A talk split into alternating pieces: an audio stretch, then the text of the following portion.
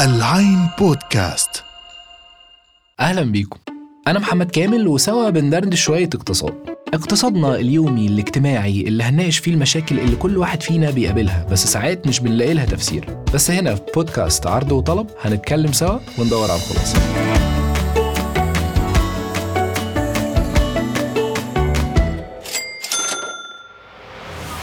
أهلا بيكم.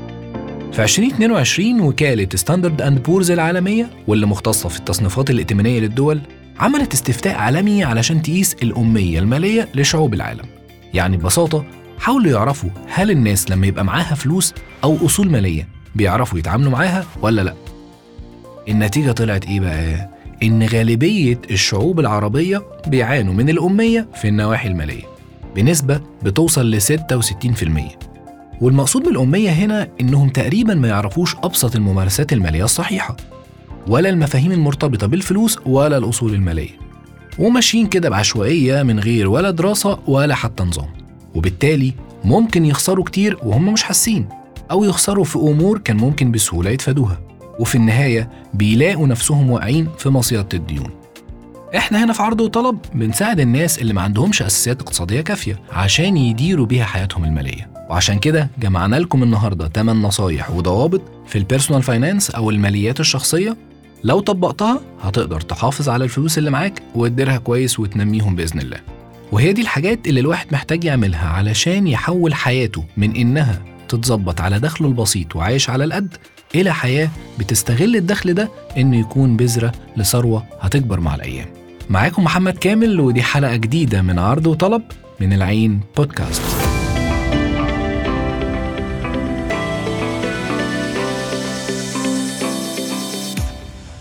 تعالوا في البداية نعرف يعني إيه personal finance أو الماليات الشخصية والذاتية. ده مصطلح بيندرج تحتيه كل ما له علاقة بإدارة أموالك وطريقة صرفها بالإضافة للإدخار والاستثمار. بمعنى إنه شامل الميزانية الشخصية اللي بتعملها أول الشهر زائد طريقة تصرفك في حسابك اللي في البنك والخدمات اللي بتاخدها منه وخدمات التأمين اللي بتتعامل معاها زي اللي عنده تأمين صحي أو مأمن على عربيته وكمان خدمات الرهن العقاري الخاصة بيك. والتأمين الاجتماعي بتاعك اللي هيترد لك في معاشك بعدين. ومعهم الضرايب بتاعتك آه، استثماراتك بأنواعها سواء كان استثمار سلبي أو إيجابي. ودي محتاجة لها حلقة لوحدها. المهم يعني personal finance بيشمل تعاملاتك المالية بالكامل وكل المؤسسات اللي بتقدم خدماتها المالية ليك كفرد أو لأسرتك. طيب إيه أهمية إننا نكون عندنا معرفة بقواعد وأساسيات ال personal finance؟ لأن هو ده المدخل الحقيقي. أساس العمارة أو الأسفلت اللي هيمهد لك الطريق اللي توصل بيه لأهدافك الشخصية طبعا من الناحية المالية. سواء أهداف قصيرة الأجل زي إنك عايز تجيب عربية بتحوش لجوازك أو عايز توضب شقتك أو أهداف طويلة الأجل زي إنك تلاقي وسيلة استثمار تحقق لك عائد في المستقبل أو تحوش لتعليم ولادك أو خطة التقاعد بتاعتك بعد ما تبطل شغل. الحقيقة ال personal finance ده علم كبير بس أنا جايب لك خلاصة ومجرد أساسيات. تقدر لو خدت بالك منها تلاقي تحسن في دنيتك الاقتصادية عموما. ودلوقتي تعال نشوف مع بعض 8 نصايح بسيطة كده تقدر تبتدي بيهم وتحسن من الأمور المالية الخاصة بيك.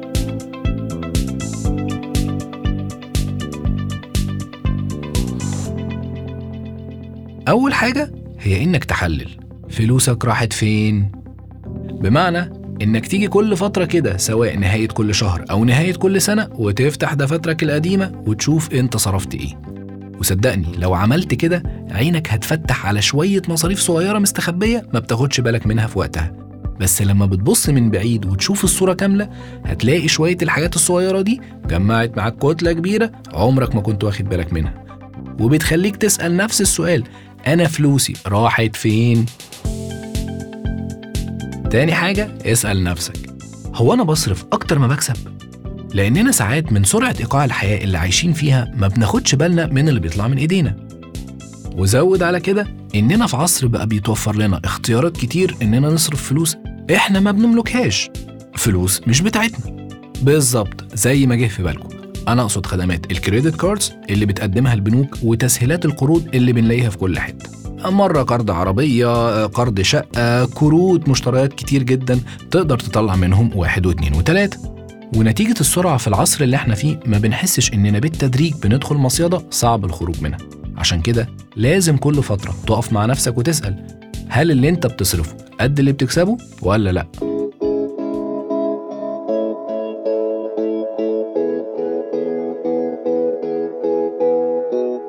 تالت حاجة اتغدى بالضرايب قبل ما تتعشى بيك.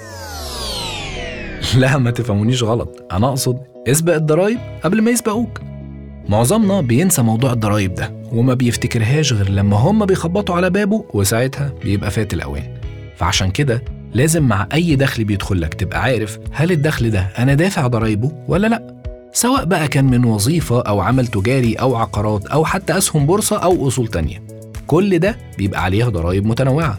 وما تعملش ناصح وتقول آه هو أنا يعني مهم للدرجات يعني هيبصوا لي في الفكة وسايبين أصحاب الملايين؟ هقول لك غيرك قال كده وطنش لحد ما اتراكمت عليه فلوس قد كده للضرايب ولازم يدفع. يبقى عشان كده لازم تستف أوراقك أول بأول وتعمل حساب الضرايب في كل معاملاتك والحق ما يزعلش.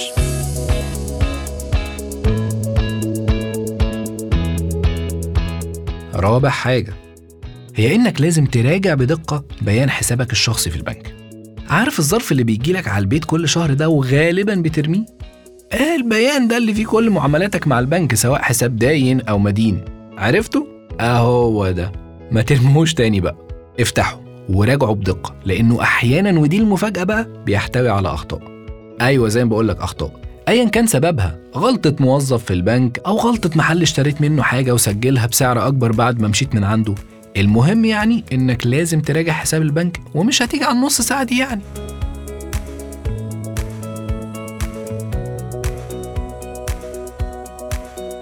خامس حاجة هي إنك تحط عينك على الزيادة اللي حصلت في الأسعار وبالذات في تكاليف المعيشة بتاعتك. دايما في أوقات التضخم زي اللي إحنا بنمر بيها حاليا لازم ولابد تتحقق بشكل دوري من الزيادات اللي بتحصل في البنود اللي أنت بتصرف فيها عموما. وتقارن هل حصل نمو في دخلك مماثل للزيادة اللي حصلت في الأسعار ولا لأ؟ لأن عادة معظمنا طالما ما اتحطش في موقف إن مش معاه فلوس يدفع تمن حاجة هو محتاجها أو متعود عليها بعد ما غليت مش هياخد باله أبدا من الزيادات. وهتفضل تتسحب كده بالتدريج في ميزانيته من غير ما ياخد باله لحد ما هيجي في يوم بعد كام شهر يلاقي نفسه مديون والمرتب ما بقاش مكفيه.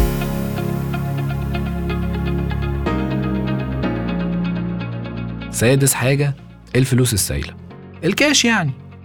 لازم تحرص على إن يبقى تحت إيدك دايما فلوس كاش أو موجودة في حساب في البنك تقدر تسحب منه بسرعة في أي وقت من أي ماكينة ATM وده لظروف الطوارئ عشان تمنع نفسك إنك تتداين في الظروف دي.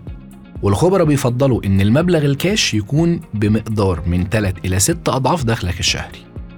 وبما إننا اتكلمنا عن الطوارئ فسابع حاجة هي وضع خطة مالية عشان تقدر تدخر من دخلك لحساب الطوارئ. ودي اتكلمنا عليها قبل كده في حلقة مستقلة. تامن حاجة لازم تعملها هي إنك تراجع التأمينات اللي عليك وتتابعها أول بأول وتتأكد بنفسك التأمينات دي مغطية إيه بالظبط وهل اللي بيتسحب من دخلك الشهري علشان أقساط التأمين دي مناسب للي أنت بتستفيد منه ولا لأ؟ لأن غالبا معظمنا بيتعامل مع التأمين ده على إنه حاجة كده مش هيحتاج لها بس بيعملها وخلاص عشان يريح دماغه وما بيركزش فيها. بس بيتفاجئ بعدين آه مثلا إن خطة التأمين مش بتغطي عمليات معينة وهو مفكر إنها بتغطيها. أو مثلا تأمين العربية بيغطي حوادث آه وحوادث لأ. أو إن التأمين الاجتماعي بتاعه في شريحة أقل من اللي المفروض يكون فيها. فبالتالي معاشه في المستقبل هيبقى قليل بسبب الغلطة دي وهكذا. يبقى لازم تتأكد بنفسك من كل ده. بس كده. دول كانوا 8 مبادئ من أساسيات ال personal finance هتفيدك جدا في حياتك. في غيرهم كتير بس عشان وقت الحلقة مش هيكفي. لو حابين نعمل حلقة تانية بنصايح زيادة اكتبوا لي في ال commentات.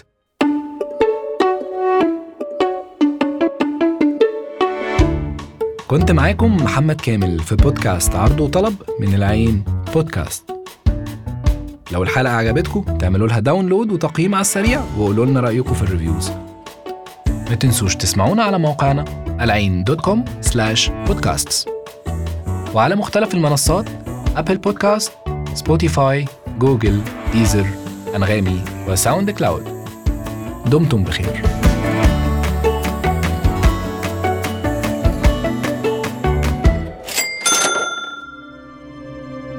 العين بودكاست تسمع لترى العالم.